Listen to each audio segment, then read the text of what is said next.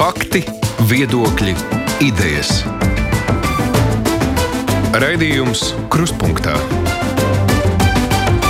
ar izpratni par būtisko.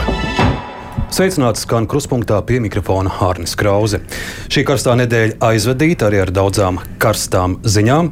Šodien vērtējot nedēļas notikumus, varēsim akcentēt vien dažas, vai OIK patiesi tiek atcelts. Kā rīkoties ar Krievijas un Baltkrievijas pilsoņiem, kuriem ir termiņu uzturēšanās atļaujas? Igaunijas valdība parāda savu apņēmību un pāris stundu laikā Narvā aizvāc padomi tanku. Skolotāji pirms vēlēšanām gatavojas beztermiņa streikam, elektrības rekordcena un cik tad īsti lieli ir mūsu gāzes krājumi ziemai. Šie ir vieni daži no tematiem, un komentēt norises šodien esam aicinājuši kolēģus žurnālistus. Studijā žurnālists Romanis Beņģis, Romanis Veiks. Labdien. Un mums pievienojas arī laikraksta ir komentētājs Aivars Ozoliņš, Aivars Sveiki! Sveicināti! Un Latvijas avīzes žurnālists un komentāra autors Māris Antonevičs, Māris Veiks. Sveicināti! Es sākšu ar OIK, jo Latvijas radio ziņdienas šodien arī ir pievērsies šim tematam. Nu, pat ziņās 12. bija plašāks stāsts. Tātad koalīcija šonadēļ ir vienojusies pilnībā atteikties no obligātās iepirkuma komponentes visiem elektroenerģijas lietotājiem, tāpat arī juridiskajām personām 100% apmērā kompensēt sadalas tarifa izmaksas. Premjerministrs un finanšu ministrs paziņoja, ka OIK ir aizgājis nebūtībā. Latvijas radio ziņu reportāžā nu pat dzirdējām, ka daži no šiem OIK līgumiem ar uzņēmumiem ir saslēgti pat vēl līdz 2040. gadam. Šogad OIK maksājumos uzņēmumi ir saņēmuši gada pirmajos mēnešos jau 12,5 miljonus eiro. Un izskan jautājums, vai tā nav mānīšanās, paziņojot, ka OIK ir aizgājis nebūtībā. Un, protams, arī grib piebilst, un to teica arī finanšu ministrs, ka atteikšanās no OIK tiks sekta no Latvijas peļņas daļas. Un kas tad veido to peļņu? Protams, arī mūsu maksājumu Latvijas Romāna turpini.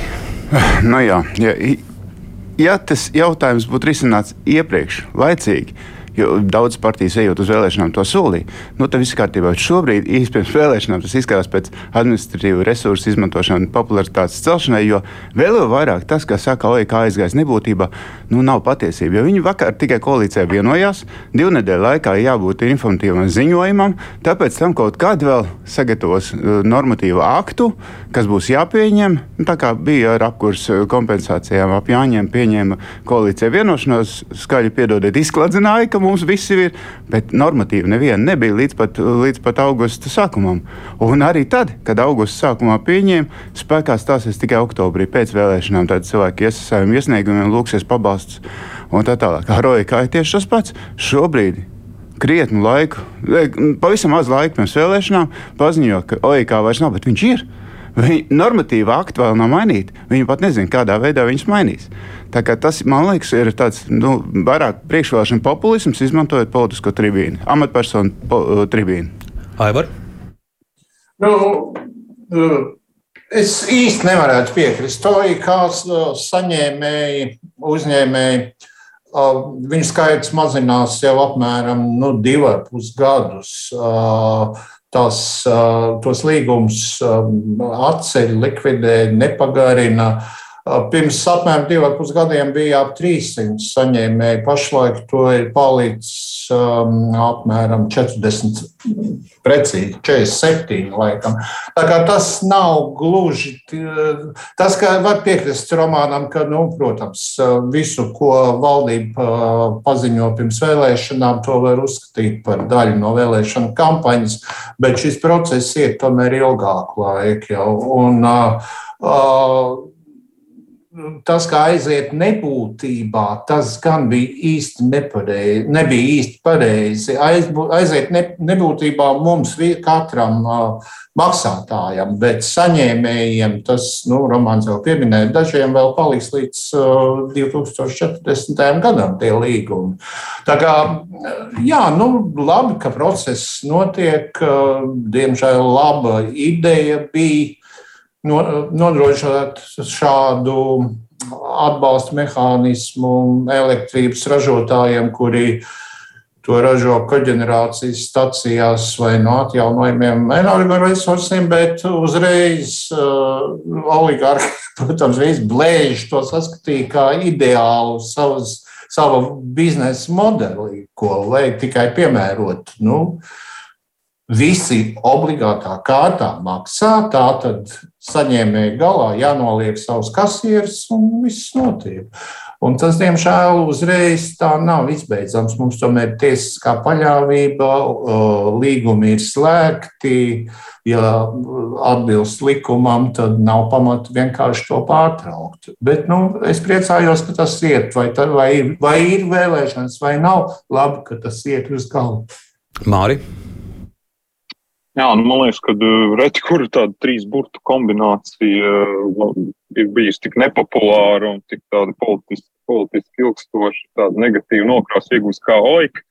Un tas tam noteikti paliks vēl. Un, um, nu, skaidrs, ka kaut kādā veidā tas, tas tā neapmierinātība bija tik liela vienkārši arī sabiedrībā, un arī politiķi faktiski izmantoja to, lai gūtu punktus. Daudz atceramies uh, populistiski spēki ar šo karogu nāca pirms vēlēšanām. Nu, nu, faktiski Līdz ar to bija skaidrs, ka, jā, ka kaut kas ir jādara, bet eh, nu, es saprotu, no tā, kāpēc tas noticis tik vēlu, ka tā vēlme bija to visu pavilkt tā lēnām garā, bet uh, kāpēc tas tagad uh, tas ir saistīts ar lielā mērā ar energo krīzi, jo tomēr šīs izmaksas ir kļuvušas tik lielas, ka nu, valdībai nu, ir daži šie instrumenti, ar ko var ietekmēt nu, PVN. OIK, nu, acīm redzot, kaut kādas dotācijas, subsīdijas. Es saprotu, ka šobrīd tiek uzsvērts, ka šis lēmums pieņems lielā mērā, pateicu, nu, lielā mērā uzņēmēju interesēs, jo mājsaimniecībām tas atspaids elektrības cenai būs mazāks, bet uzņēmējiem tas būs lielāks. Lai gan uzņēmējs saka, ka tas arī vienalga nav, nav, nav nekas tik būtisks, lai to sajustu uz visu šī cenu pieauguma fona. Uh, Tā kā tas ir varbūt daļēji vēlēšanu kaut kāds, vienkārši jau pirms vēlēšanām nepopulārs lēmums nedrīkst pieņemt. No otras puses, tas ir arī tomēr kaut kāds, kaut kāds mēģinājums sākt risināt krīzi, ko nu, valdība vasarā īsta, kā, kas netika darīts, kas varbūt, varbūt tika gaidīts, nogaidīts situācija, kāda tā būs. Un tā, un tagad saprotot, ka nu, jāspēr soļi, tad mēs dzirdam katru nedēļu kādu jaunumu, kaut kā tad, tad, tad par gāzes cenām, tad par uzņēmēju saka, jā, jūs visu laiku domājat par mākslinieci, par mums neko, nu tagad ir kaut kādi soļi. Tādi neveikli arī pagaidām uzņēmēju virzienā, bet nu, šis noteikti nebūs pēdējais. Oik, nebūtībā, jā, trīs burti oika aiziet nebūtībā, vai tas pasargās no līdzīgiem neveiksmīgiem risinājumiem nākotnē? Nē, un vai kā Aivars teica, oligarhi un visādi izmanīgi ļaudis neizmantos jaunas iniciatīvas tajā pašā zaļajā kursā, par kuru jau šobrīd var sākt diskutēt, vai tādā veidā, kā tas savulaik tika apspriests un izvirzīts, vai tāds viņš ir iespējams vispār šajos apstākļos energo krīzes laikā. Es domāju, ka būs citi burti, kuri attiecīgi atkal būs nepopulāri un kuri atkal būs, būs politisko diskusiju jautājums un politisko, politisko dažādu lēmumu būs jāpieņem. Jā, bet kolēģis, nu, tā, tā tā jautājuma atgriezīšos, ar, kur, ar ko es sāku, vai paziņojums par OIK atcelšanu ir bijusi tāda maza mānīšanās, jo no vienas puses eh, par to paziņojot, finanšu ministrs jau arī skaidri norādīja, ka no Latvijas energo peļņas daļas eh, šī atteikšanās tiks sekta. Tā kā tas netika slēpts, vienīgi varbūt tās eh, premjeram, finanšu ministram, citiem vajadzēja daudz skaidrāk un un precīzāk šo, šo ziņu nokomunicēt. Tas atkarīgs no tā, vai turpmākajos mēnešos sadalījums tīkls, kas ir tas, ko mēs jūtam, ja mums dažādi operātori, dažādi enerģijas uh, tirgotāji, varbūt energoresursi, uh, vai sadalījums tīkls palielinās tarifus. Ja tas tiks ielikts sadalījums tīkla tarifos, tad acīm redzot, tas tā būs bijis. Par komunikāciju, politiķu komunikāciju. Nu, vakar viens piemērs īsi, varbūt es gribu dzirdēt arī jūsu vērtējumu. Ekonomikas ministrei Ilzai Indriksonai bija tikšanās ar pierīgas pašvaldību vadītājiem, kuriem, protams, šobrīd daudz raižu, daudz neskaidrību jautājumu par to, kāda būs apkurss sezona, kāda mums ir gāzes krājumi.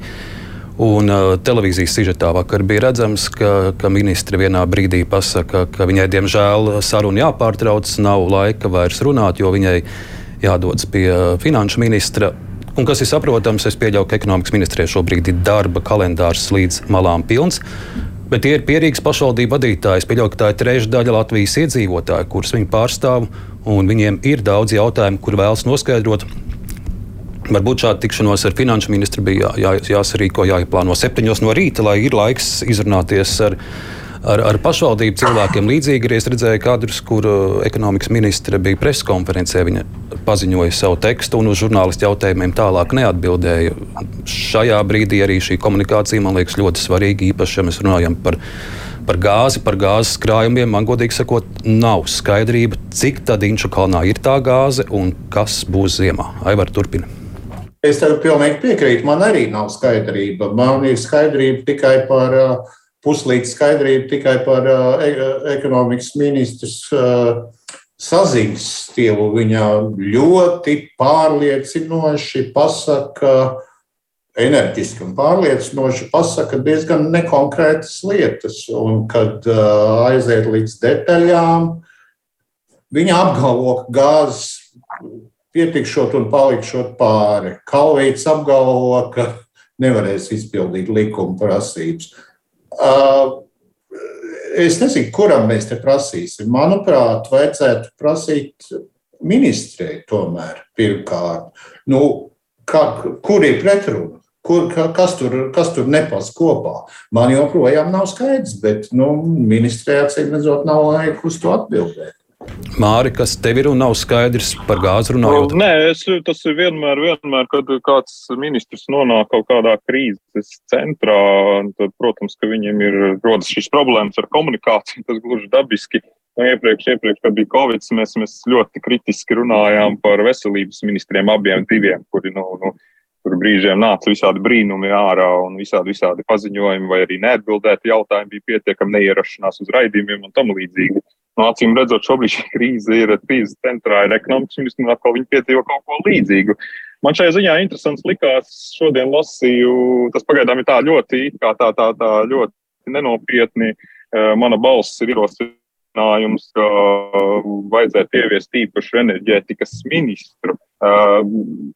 Nu. no vienas puses tas tā varbūt, nu jā, vēl viens ministrs, ko tas dos, no otras puses atcerēsimies arī Egils Levits piedāvāja, ka īpašumu, īpašo gadījumos, īpašiem uzdevumiem ir vērts ieviest ministru, kas būtu tieši par to atbildīgs un kuram nebūtu citu pienākumu tajā laikā, un viņš risinātu tieši šos jautājumus. Varbūt šī ideja nav gluži zemē metama, vismaz kaut, kāda, kaut kādas nu, lai tas nepaliek vienas ministras ziņā, jo tas šis jautājums tomēr skar visu valdību, visu valsti, un, un, un nevar uzgrūst, ka viena ministra tagad atbildēs uz visiem jautājumiem, un viss vis, vis prasiet tikai no viņiem, citiem tas neatiecas. Un tas tomēr arī kā Covid laikā bija tā plašāka atbildība, mēs gaidījām no visiem, tāpat arī te, jo jautājumi būs noteikti ne jau tikai šobrīd, viņi būs arī turpmāk, un, un cevišķi, ja turpināsies uh, viss šīs neskaidrības ar, ar, ar gāzes tirgu un, un ilgtermiņa jautājumu. Iespējams, ir jādomā, kā, kā paplašināt šo, šo loku, lai tas nav pārāk, ja lēmumi netap pārāk šauri, jo galu galā arī cilvēks, kas kļūst, arī viens ministrs var būt nepilnīgs. Tagad ministri mainīsies, jaunais ministrs, kas būs, mēs nezinām, tur arī var būt vēl visādi, visādi pārsteigumi. Šis ir jautājums, kuram, manuprāt, vajadzētu plašāku uzmanību no, no valdības, ne tikai vienam. Es domāju, ka turpināt Māris varbūt arī biežāk vēlētos redzēt blakus ekonomikas ministrē arī premjeru, jo nu, viņš ir valdības komandas vadītājs. Un, Un, uh, nu, tad man būtu sajūta, ka tiešām tur, tur visi no rīta līdz vakaram strādā un, un, un domā, kā darīt, kāda būs zima. Nu jā, un tieši tā, nu, lai, lai kaut ko domātu, lai analizētu, lai vērtētu, lai, lai pielāgotos gal galā, tai situācija ir jāzina, nu, uz kādiem pamatiem mēs stāvam. Jā, tur varbūt ir gāze, bet kam viņa pieder? Varbūt Lietuvai, varbūt Igaunijai, varbūt Somijai. Varbūt Latvijas gāze ir saņēmusi pasūtījumus no, no citām valstīm un iepumpējusi, bet tā gāze nav nacionalizējama, jo tas būs starptautisks skandāls uzreiz. Tātad faktiski būtu labi, tomēr, jo, jo premjeram ir jautāts, nu, tur, tur ir gāze, bet vai viss ir mūsu, vai visu drīkstēsim mēs izmantot. Un viņš ir atbildējis, ka nu, jā, tur ir privātām kompānijām, kur viņas liksies, viņas tāpatās pārdos tam, kam ir izdevīgi varbūt, kad ir noslēgta līguma, un viņas nevar pārdot Latvijai. Tad faktiski mums vajadzētu zināt tos apjomus, ko mēs reāli valstī varam rēķināties, un tad ir kaut kāds krīzes, nu, kaut kāds plāns vajadzīgs, lai mēs zinām, teikt, kaut kādām maisaimniecībām var pateikt, lūdzu, nekurien ne, ne, nevāriet tagad, netērējiet, ne, ne, nevāriet zapts uz gāzes. Vai arī, pateikts, vai arī, vai arī, bet... vai arī ka Latvijas energo tagad ir ļoti augsts elektrības cenas, vai vispār caur Nordpolu, var, var godīgi pateikt, mēs gāzi nelietojam priekš elektrības ražošanas, ja samazinām līdz minimumam, tāpēc cik dārgs ir. Dosimies tālāk. Vēl viens temats - skolotāju gatavošanās beztermiņa streikam. Es sākumā to nebiju iekļāvis, bet vakar brīvajā mikrofonā secināju, ka nu, šķiet, gandrīz puse klausītāji zvanīja un viņi izteica savu viedokli tieši par skolotāju streiku. Nu, uh, šķiet, no sešiem, septiņiem zvanītājiem visi bija pret šāda streika rīkošanu. Nu, Turpat ļoti radikāli paziņojumi no, no kāda kunga izskanēja, ka um, arotbiedrības vadītāja Vanaga ir jāliek cietumā. Bet, uh, kur mudināja man par šo domāt viena klausītāja vēstule, ka kādēļ mūsu sabiedrība, jā, no vienas puses atbalsta skolotāju prasības, bet ir pret šādu streiku. Un arī uh, daļa skolotāju paši saka, ka viņi nepiedalīsies streikā. Aivar.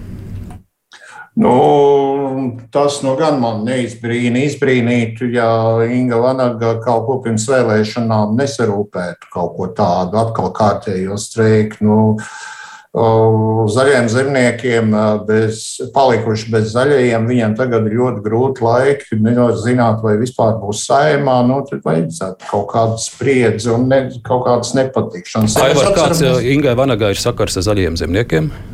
E, nu, es negribu apgalvot, ka viņai ir tieši sakars, bet es atceros, piemēram, ka savulaik viņa palīdzēja nogāzt straumjums valdību, tā kā zaļajiem zemniekiem to vajadzēja. Nu, es vienkārši neredzu tagad jēgu šādam streikam citādu kā vien priekšvēlēšana kampaņas ietvaros. Nu, kā tu pats pieminēji, sabiedrībā nav atbalsts šādam streikam. Uh, Liela daļa skolotāju paši to neatbalsta. Aivar, es tikai piebildīšu, ka mēs nezinām, vai kāda sabiedrības viedoklis, jo nav jau tāda aptauja bijusi. Tas ir tas, ko es secinu no brīvā mikrofona klausītājiem. Būt, droši vien būtu interesanti arī kādu aptauju sarīkot, lai redzētu kāda ir aina. Nu, kaut, kā, kaut kā nav dzirdēts milzīgs entuziasms par to, ka mēs tagad streikosim un uh, pieprasīsim un panāksim. Tur uh, temats jau apmēram tas pats, par ko gadu gadiem runā, ka, protams, atalgojums būtu jāpalielina pedagogiem, varbūt tur kaut kas ar slodzēm jāmaina, bet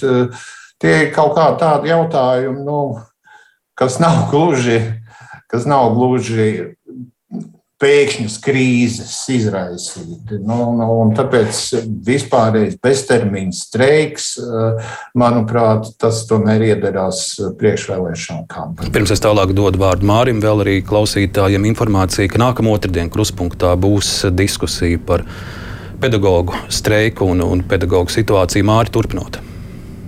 Jā, es laikam plaši nevērtēšu, vai šāds streiks ir nepieciešams vai nē, jo nē, es nejūtos tik eh, liels speciālists izglītības jautājumos, nepārzinu situāciju. Cita lieta, man liekas, ka tagad eh, kaut kāda tāda mode sāk palikt, ka, nu, ka kaut, ko, kaut kādas protesta akcijas un uzreiz streiks, mēs uzreiz streiks. Nu, nesen mediķi, kā Kēris bija sasauc un arī runāja par streiku, nu, tur ieradās cik tur tie cilvēki, nu, daži tūkstoši bija pie ministrijas, tur pabļaustījās tam līdzīgi, bet sapratu, ka tādās plašākās mediķa aprindās tiešām tas tas tika uztverts vairāk kā tāda izrāde, nevis kā tāda reāla cīņa ar problēmām. Nu, jā, viņi tur kaut ko atgādina, bet, bet nu, šobrīd, un atkal to visu dēvēt par streiku, kas tomēr, manuprāt, ļoti nopietns. Tam būtu jābūt tādam nopietnam signālam, ka, ka tiešām ir ļoti nopietnas problēmas. Manuprāt, šie, šie arotbiedrību vadītāji, kuriem vajag parādīt, ka viņi kaut ko dara, bieži, bieži lai to darītu, sāk izmantot tādus terminus, nu, kaut, ko, kaut kādu akciju sarīkosim, nu, būs streiks. Un, un tiešām arī vēlēšana tūms varbūt arī nav tas. Nu, no vienas puses, varbūt vēlēšana tūms ir tas laiks, kad kaut ko prasīt, jo ir lielākas iespējas dabūt, bet, nu, saprotiet, tās skolotāja prasības jau nav tādas, kuras var izpildīt mēnešu laikā līdz vēlēšanām. Tā kā tur tāpat būs jāturpina risināt ar nākamo valdību šie jautājumi. Tā kā man, man, man liekas, ka vārda streika tāda devalvēšana, un, un tas arī nav labi, jo nu, tam tiešām būtu jābūt tādam pēdējiem solim, kad jau viss ir izsmelts, visas citas iespējas, un es neskatu, ka medicīnā un izglītībā iespējas būtu izsmeltas risināt šos jautājumus. Un Romāna, Ko nozīmē beztermiņa streiks? Saskaņā ar streika likumu tas nozīmē arī tie, kas piedalās beztermiņa streikā, nesaņem atalgojumu. Un cik ilgi viens skolotājs tādā režīmā varēs dzīvot, zinot arī visu rudens, ziema rēķini? Jā, e, Jārēķinās, ka tagad ir 1. septembris tūms, nu, protams, arī vēlēšana tūms. Un skaidrs, ka tas ir tas brīdis, kad aktualizēt to jautājumu, kas nu, tā, īsti, tā īsti nav risināts. Ir kaut kāda ielāpta likti, bet tāda sistēmiska pieeja nav bijusi. Un, uh, ir, tas ir spiediens, protams, ar, ar, ar šo draudu, ka būs beztermiņa streiks. Nu, neiedziļināsimies varbūt tās detaļās, kā viņš var izpausties, jo viņš diez vai var izpausties, bet, bet viņš ir tāds labs publisks drauds uh, gan valdošajiem, kuriem vēl varbūt ir iespēja kaut ko kaut vai apsolīt, kā tikko Roja apsolīja, vai arī jaunajām partijām, kurām arī priekšvēlēšana debatēs šis būs ļoti aktuāls temats. Tātad žurnālisti arī jautās jaunajām partijām, ko jūs darīsiet. Tātad sasiet rokas, lai viņas pēc vēlēšanām būtu spiestas arī kaut ko darīt, tā, tas, kas nonāks pie varas. Um, tā kā, tā kā es domāju, ka tas ir izdevīgs brīdis, lai, lai aktualizētu to tematu, kurš, kurš pēc tam jārisina. Otra lieta, uh, es nepiekrītu Evaram, ka te būtu kaut kāds viens partijas interesi. Nu, nevar visus skolotājus, kas ir gatavi iet streikot vai pieļaut tādu iespēju, ielikt vienā maisā kā viens partijas kaut kāds uh, atbalstītājs. Nu, vadītāji varbūt, bet viņi, ja viņi būtu viens partijas atbalstītāji, tad neviens neiet viņai līdzi. Aivars nu, to mērķēja arotbiedrības vadītājs. Protams, virzienā. bet, bet viņa nespētu savākt autoriju, pietiekoši daudz cilvēku viņai sev par atbalstu, ja viņa būtu viens partijas uh, vārdā darījusi kaut ko. Tagad šajā, šajā gadījumā domāju, ka viņi vienkārši aktualizē šīs uh, savas profesijas uh, problēmas. Tas, ka ir daudz cilvēku pret, nu, protams, Protams, vecāki ir nobežījušies, kas būs ar 1. septembri. Vecāki ir ļoti nobežījušies, vai, vai skolas atsāksies vai neatsāksies. Pārējiem neprasījuši, bet Roman, tavs viedoklis vakar ar izglītības ministriju nāca klajā ar, ar ideju, ka uh, turpmāk mācību gads varētu būt garāks, skolēni klasēs varētu atrasties līdz pat Jāņiem. Uh, būtu arī garāks ziemas brīvlaiks, trīs nedēļas. Uh, ministri teica, nu tad mēs būtu līdzīgā kārtībā, kāda ir tā daudzās rietumvalstīs, tad arī varbūt nebūtu mācību stundas tik garas un skolotājiem slodze nebūtu tik no, liela. Īstais brīdis pēdiņās runāja, īstais brīdis politiķiem par šito runāt. Ja viņi negrib būt ievēlēti, lai viņas partija negrib būt ievēlēta, tad, tad, protams, tādas lietas var runāt. Bet tā ir tēma, kas vienmēr ir izraisījusi diezgan lielu pretestību. Viņi neviennozīmīgi vērtējumi jebkurā gadījumā ir. Skaidrs, ka tas nepopulāri būs. Nu, nu, neizbēgami nepopulārs ir šāds iniciatīvas. Vispār mācību gadu pagarināšana ir nepopulāra. Nu, es atkal esmu no virkni vecākiem dzirdējis, ka, ka bieži vien tajā jūnijā nav kur to bērnu likt. Varbūt tad ir labi, ka ir tā skola un, un, un viņš ir skolā līdz jāņem. Māri uzklausīsim arī Mārs kaut ko krata galvu. Nē, nu, manuprāt, diez, diezgan, diezgan dīvaina, dīvaina ideja. Labi, vasara varbūt tur varbūt stāsts par slots izlīdzināšanu, bet kā, kāda motivācija ziemā pielikt to tās divas nedēļas klāt, nu, tas, tas ir. Es zinu, redzējis, esmu redzējis sociālos tīklos, ka ir gan atbalstītāji, gan piekritēji. Es teiktu, ka nu, pagaidām es to argumentāciju nesaklausu, kas būs tas lielais iegūms no šai. Es nezinu, vai tas viņai atņems daudz punktus ministrei vēlēšanās. Iespējams, ka būs kādi, kas teiks, ka jā, ka vajag, un, un, un ka, ka tieši labi, jā, kā teica, ka ir kaut kādi vecāki, kas, kas, kas kaut, kāds, kaut kādu sautīgu iemeslu dēļ, redz, viņiem, viņiem vieni vecāki tātad domādam par sevi, viņiem vajag, lai vasara brīva, citiem vajag, lai ziemas brīvdienas ir garāks, jo gribas aizbraukt paslēpot, citiem vajag to, bet nu, tam nebūtu jābūt prioritātei kaut kādiem vecāku, vecāku iecerēm un vecāku plāniem. Jābūt pirmkārt iecerēm, cik tas, cik tas tiešām palīdz uzlabot izglītības kvalitāti. Nu, pagaidām es no skolotājiem galīgi nedzirdu šo to es dzirdu no ministras, bet no skolotājiem ne, nedzirdu šo pamatojumu, ka tas tiešām palīdzēs un nāks par labu izglītības kvalitāti.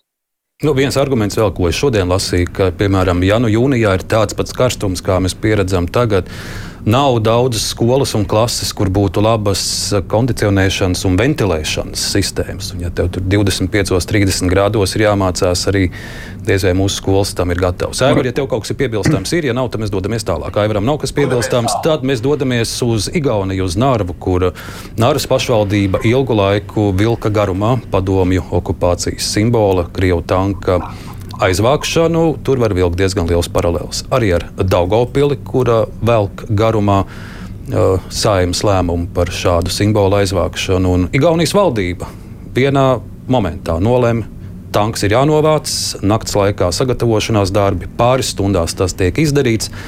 Bija prognozēts, ka varētu būt kādi lieli nemieri, bet nu, tur faktiski es pat nekādu tādu grūstīšanos neredzēju. Jā, 11 personas bija aizturētas, kuras tur kaut ko mēģināja. Bet, mm. Bet viss notika ātri, raiti. Ko mums rāda Igauniju piemērs? Aivars, sākšu ar tevi.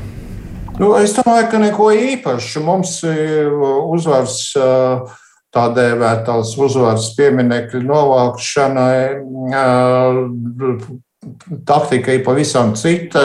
Aizlaiks brīdināt, visu rūpīgi sagatavot, aprēķināt izmaksas.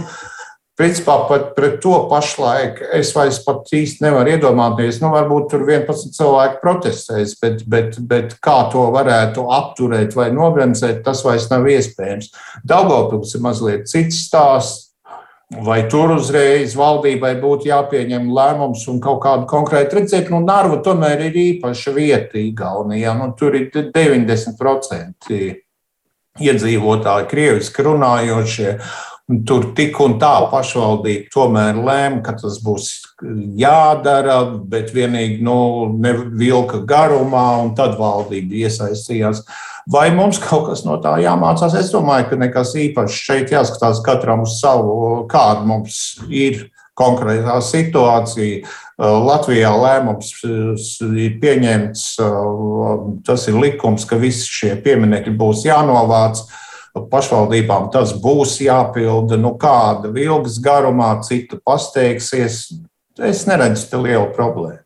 Latvijā šis process turpinās šonadēļ Ropažu novadā. Tika aizvākti divi šādi padomju simboli, tur liela strēle un vēl viens objekts. Jā, tā, tas ļoti, process turpinās. Ļoti dīvaini, ka mums aiz lidostas ir spilve, viena no divām spilvēm.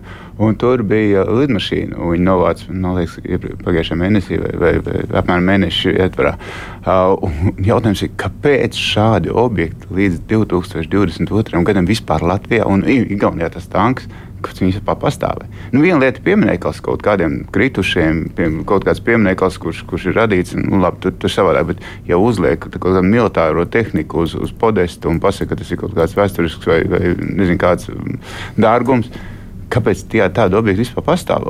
Tas pats lielgabals, kas tika rezignē, laikam, jā, kur, kur tika novākts pa klusu, un pēc tam bija krimināla, jā, jā, jā, jā, krimināla procesa ierosināts. Nu, kāpēc, kāpēc tādi objekti vispār ir līdz šim pat laikam? Cik gadiem bija jāpaiet, lai, lai mēs beidzot aptvērtu, ka te, tas ir jānovāc un sadūšotos uz savā. Nu, karam bija jāsākās, lai mēs sadūšotos uz savā. Gan objekti, gan arī ielu nosaukumi. Tikai tagad atklājas, ka Šur tur Latvijā izrādās vēl 17. jūnija iela. Šodien es lasīju, ka vienā no Latvijas mazpilsētām ir uh, kosmonauts Tereškovs iela. Un uh, Tereškova, ja, ja es nekļūdos, Tereškova, ja viņa, Jā, un, un, un, ir pirmā kosmonauts. Viņa ir vienotās Krievijas Deputāti. pirmajās rindās, domas deputāte, Putina uzticības persona un, protams, arī pirmajās rindās. Uh, agresijas un kara slavinātāju vidū. Māri, turpinot šo tematu. Jā, nu, no Igaunijas mums ir gan ko mācīties, gan par ko pabrīnīties. Um, mācīties, domāju, noteikti vajag nevis no šī gadījuma, kas, nu, kas jau iekļaujas tajā visā plūsmā, kas ir nu, vis, vis daudzās valstīs, Latvijā tā skaitā, uh, tiek novākt šāda veida pieminekļi, bet es domāju, no 2007. gada, kad viņi nu, faktiski pirmie drosmīgi pieņēma lēmumu aizvākt no Tallinas centra padomju karavīru bronzas statuju, kura tur bija pilnīgi nevietā par spīti visiem Krievijas draudiem, un, un, un, un tika pieņemts politisks lēmums, tas tika izdarīts, tika nu, savaldīti nemieri, kas tajā laikā bija, un, un, un, un, un tas risinājums, ko viņi toreiz izdarīja, tas savā ziņā viņiem atvieglo situāciju tagad, kad mums, diemžēl, diemžēl šo okupācijas pieminekli nākas mazliet uztraukties, kas nu būs, kā nu būs. Var, protams, teikt, ka tur ir citi apjomi, tur bija statuja, kas ir mazāk, un te ir, te ir lielāk, bet nu, tur tomēr tas bija politisks lēmums pirmkārt, nevis, nevis, nevis tehnisks kaut kādas problēmas. Šis tanks, jā, tas, tas man arī pārsteidz, ka Narvā joprojām viņš ir atradies Latvijā, starp citu, tādā ziņā šādu objektu bija krietni mazāk, jo viņi tika Nu, divi tanki, es zinu, viens bija ērgļos un viens bija dobelē. Bija ērgļos, un manuprāt, arī Daugavpilī bija viens, starp citu, tā pašā Daugavpilī, ko mēs tagad pieminam, ka būs grūti, tur tomēr tika novākts šāds ierocis, arī lidmašīnas bija ēkļi, un tam, tur tas viss pazuda bez, bez nekādas īpašas protestiem, bez nekā. Nu, tagad viņi, protams, ir ideoloģizēti, tur ir uh, visa Putina ideoloģija klāt šādiem ieročiem, un tāpēc arī Narvā tur nāk nāk vakarā, ka tas tanks aizvest, tu pa dienu mēģināji kaut kā patraucēt, nu, Igauni ļoti, ļoti par to bija padomājuši, lai tur neviens neko tādas nekādas provokācijas nevarētu. Vakarā nāk tur ziedus liekt, aizsa video, tur piemiņas un tam līdzīgi, bet nu, tas, tas acīm redzot norims. Tas, ko mēs varētu no Igaunijas mācīt, bet ko noteikti mūsu, jau arī mūsu drošības iestādes ir domājuši, ka Igauni ļoti rūpīgi uzmanīja, lai šajā laikā, um, kad notiks šis, šī, šī viss, neiebrauktu kaut kādi provokātori no Krievijas, kā tas bija 2007. gadā lielā mērā, kad, kad bija Stalinas nemieri, kas, kas tika nu, arī norganizēti, arī līdzdalība tur, protams, bija arī no Krievijas puses. Nu, tagad arī, acīm redzot, domāju, ja Latvijā notiks arī Krievija, noteikti mēģinās. Mums pašiem te pietiek Kremļa aģenti, kas ar to nodarbosies, bet noteikti būs arī kaut kāda Krievijas plāna šajā sakarā. Nu, turpinot Māri, lieta, Igauniem, ka... Igauniem izdevās arī pārtvert vienu Krievijas propagandas televīzijas uh, filmēšanas grupu, kuri bija saņēmuši turistu vīzas, un, un, un patiesībā bija skaidrs, ka viņiem bija nolūks uh, tieši doties uz Nārbu un, protams, tajā, tādā veidā, kā viņi vēlas parādīt uh, šo situāciju. Jā, es, es vēl, ko mēs varam pieminēt? Jā, lūdzu. Ja var, ja var. Tad, uh, nu, lai saprastu, ka Latvija tomēr arī tam gatavojas, tad, piemēram, uh, ir nesen noteikti aizliegums šajā teritorijā diezgan plašā, kas ir virs uzvaras parka.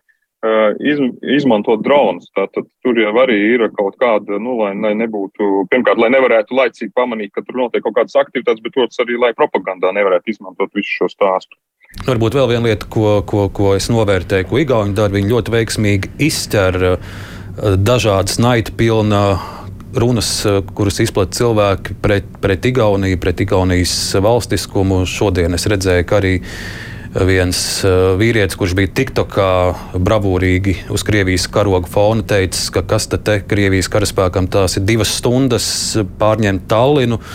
Un šodien es lasu, ka šis vīrietis ir aizturēts un viņam būs krimināla atbildība. Mm -hmm. Tā tad viņi, viņi neļauj šādiem mutes brūķētājiem bez atbildības šādus tekstus izplatīt. Jā, un varbūt ar mums jābūt. Jā, mums, mums ir jāskatās arī, cik daudz cilvēku nobalsos par Krievijas vai Žanekiešiem.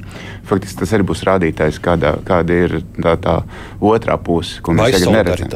Vai nu, jebkurā gadījumā pa partijām, kuras ir šādas, eh, nu, drīzāk pateikt, prokrieviskas.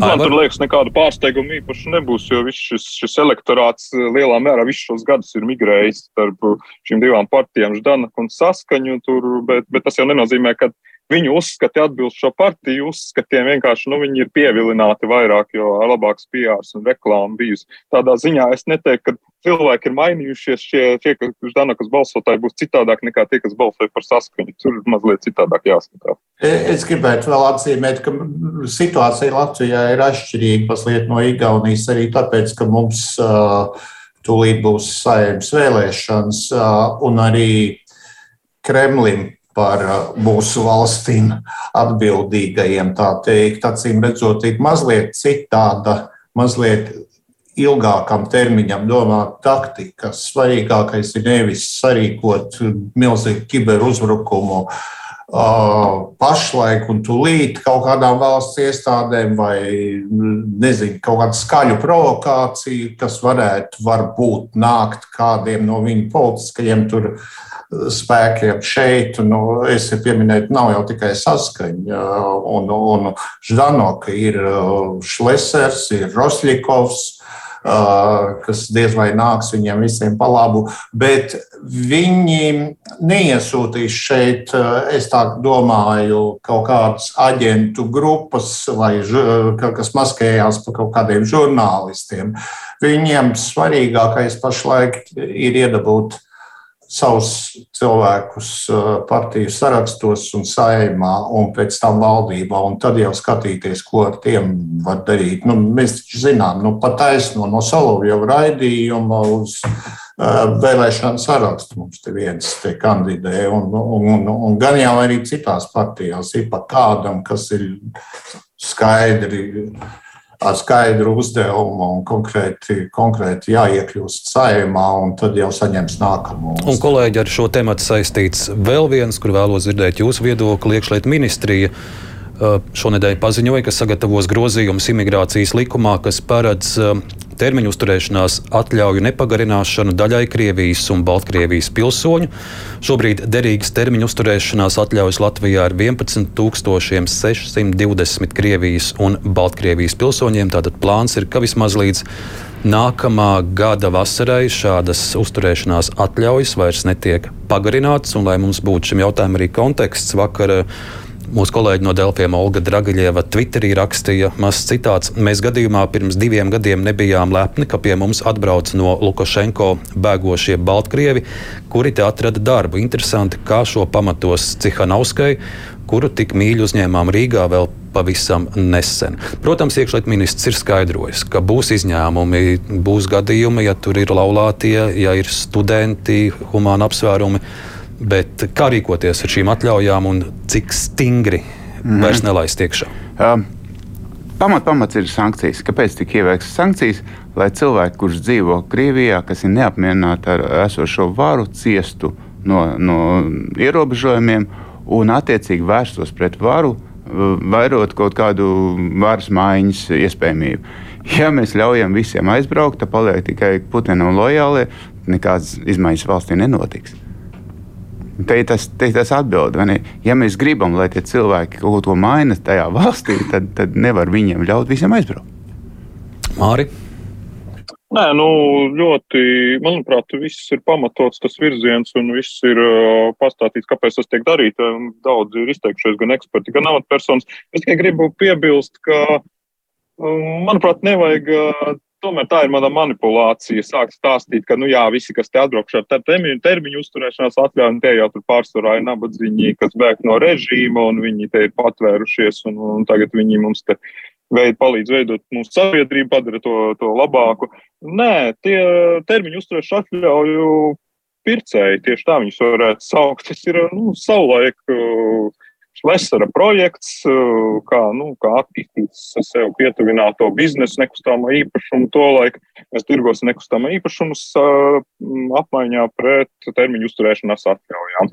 Un liela daļa publikas, kas, kas šobrīd ir ar tām uzturēšanās atļaujām tajā laikā, viņi vienkārši sabraukšu, viņi nav nekādi ne Putina pretinieki, Mēs nezinām, viņa uzskats, tā nav, nav par to tāda plaša priekšstata, bet es pieņemu, ka tur nav. Tur ir arī Putinam pietuvinātas personas bijušas, kas tiem arī tagad jāsaglabā tās atļaujas. Es domāju, virziens ir pareizs, un, protams, ja runa par kaut kādiem politiskajiem bēgļiem, izņēmumu vienmēr var atstāt, un, un tam līdzīgi, bet tas ir jāvērtē tad iestādēm atbildīgajām.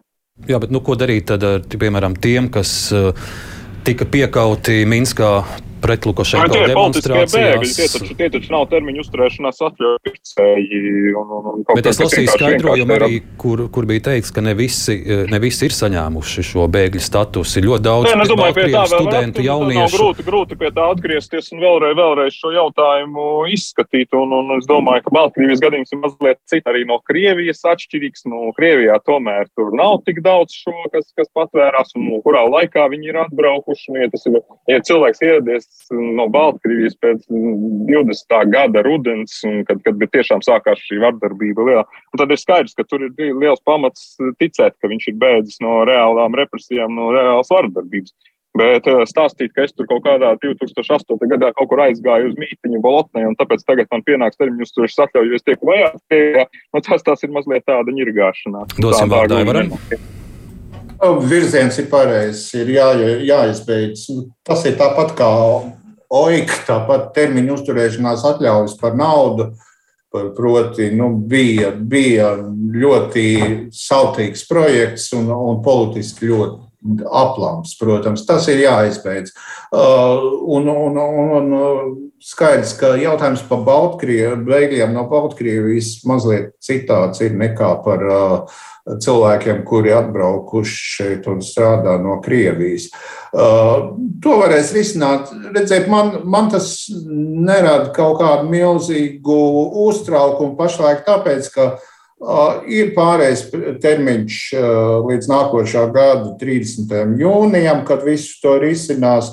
Un es domāju, ka līdz tam laikam mēs noteikti pieredzēsim ļoti būtiskas pārmaiņas, iespējams, arī pašā Krievijā. Neesmu pārliecināts, vai arī Baltkrievijā, bet situācija noteikti būs citāda nekā šovasar. Paldies, Aivar! Un es vēl pusminūtē vēlos dzirdēt Māra viedokli. Mēs šonadēļ kruspunktā daudz runājām par eh, Krievijas mediju uzņēmumiem Latvijā. Tavuprāt, eh, ko darīt ar eh, Krievijas žurnālistiem, kur vēlas strādāt Latvijā? Cik mēs dzirdējām, ir vēl diezgan daudz gribētāju, kur grib pārcelties uz Rīgu, vai šīs durvis vērt ciet? Es neesmu drošs, ka bija laba ideja izveidot tādu milzīgu centru. Tas, ka kaut kādiem atsevišķiem žurnālistiem vajadzēja dot, bet kas mērķiecīgi tika darīts, nu, man liekas, ka tur varbūt, varbūt tas nebija, bet es pagaidām neņemos vērtā. Cita lieta, ka man liekas, ka šobrīd tāds rodas tāds iespējas, ka šie mēdīji mazliet ir aizraujušies ar savu dienas kārtību, tajā skaitā ar šīm vīzām, termiņām, uzturēšanās atļaujām, un tas viņiem kaut kā izspiež no, no, no priekšplāna tās svarīgākās lietas, ko nu mēs no viņiem sagaidām. Tas ir karu Ukrainā, Putina režīmu atmaskojumu, nosodījumu un tā tālāk. Nu, tur mazliet tāda vilšanās sajūta. Nu, vai tur ir šobrīd kaut kāda darbības? Es nezinu, es šaubos, ka arī mēs jau esam ielaiduši viņu auditoriju. Viņu auditorija gaida tieši to, kas viņiem. Jā, bet ja mēs esam devuši šo... viņiem šo patvērumu, tad mēs arī sagaidām kaut kādu, tomēr, ka viņi kaut kā sapratīs, kur viņi atrodas un, un kas no viņiem tiek sagaidīts. Nu. Labi, nu, kolēģi, šo stāstu mēs neturpināsim. Mēs par to daudz runājām, bet man bija svarīgi dzirdēt Māra viedokli, jo mums šodien pārmet, ka mums pārāk varbūt viņš ir bijis uh, vienas puses pārstāvošs. Lūk, Mārim arī šāds skats. Es teikšu jums paldies. Šodien kruspunktā nedēļas notikums vērtēja Romāns Meļņiks, Evers Ozoliņš un Māris Antonevičs. Kolēģi, paldies! Fakti, viedokļi, idejas. Raidījums Kruspunkta ar izpratni par būtisko.